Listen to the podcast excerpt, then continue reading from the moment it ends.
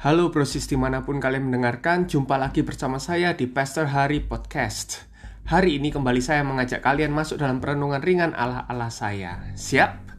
Kali ini saya akan membuka dengan sebuah ayat, kejadian 1 ayat 1. Ini bunyinya. Pada mulanya Allah menciptakan langit dan bumi.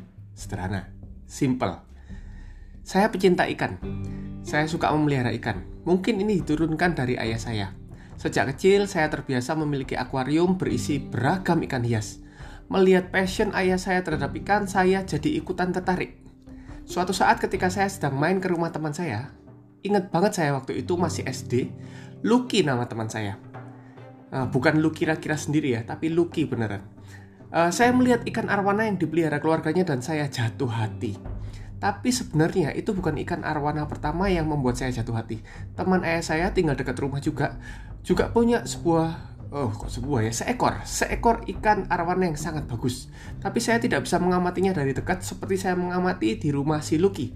Sejak saat itu saya jadi punya salah satu impian saya adalah memiliki arwana sendiri. Selain impian memiliki Harley Davidson sendiri.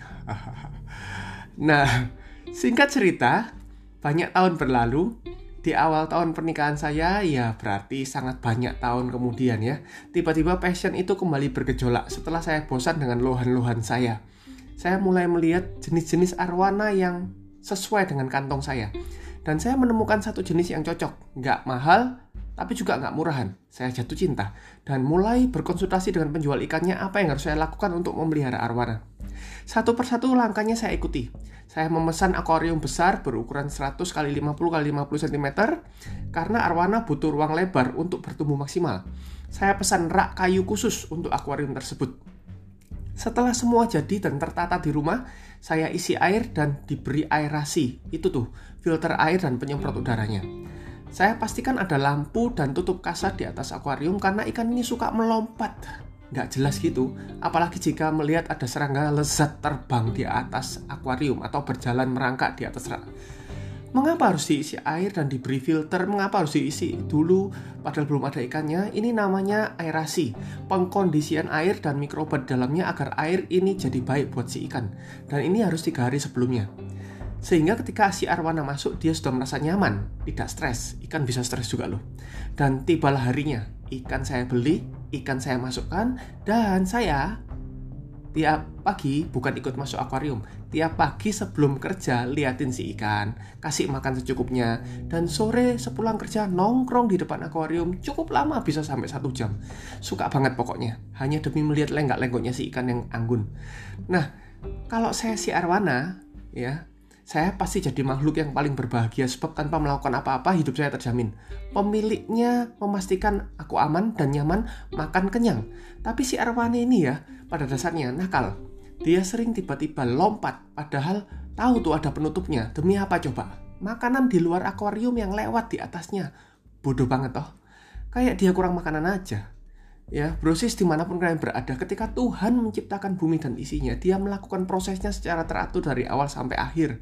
Sama seperti saya memastikan semua proses tersiapkan dengan baik untuk arwana saya, demikian juga Tuhan. Inti dari penciptaannya sebenarnya adalah kita, manusia.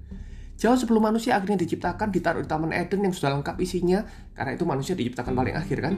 Dia merancangkan apa yang terbaik bagi kita. Dan kita hanya tinggal masuk ke akuarium Eden itu. Bukti apa lagi coba yang menunjukkan bahwa manusia adalah inti dari semuanya itu? Dia mempercayakan semua ciptaan kepada manusia. Ya dia mempercayakan akuarium itu pada manusia.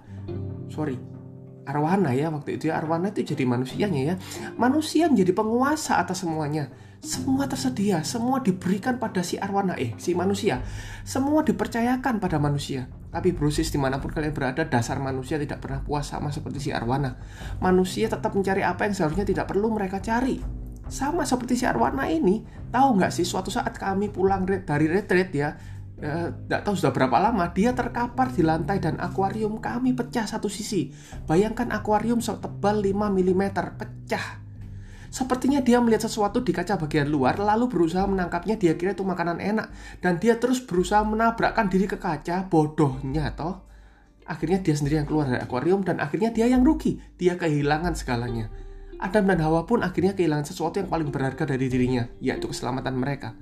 Nah, hari ini, dari renungan ini, mari kita kembali pada kasih Tuhan dan keselamatannya. Memang dalam setiap kita ada sisi arwana yang perlu kita tahan setiap saat. Jangan biarkan arwana dalam dirimu berulah. Ingatlah, Tuhan mengasihi kita dan memelihara kita begitu rupa. Izinkan saya berdoa buat kalian di akhir renungan ini. Bapa, terima kasih buat kasihmu atas kami. Terima kasih buat segala rencana dan pemeliharaanmu atas kami. Ajar kami terus dekat padamu, menyenangkanmu, dan bersyukur padamu. Ampuni kami jika selama ini kami jauh darimu. Dalam nama Yesus. Amin.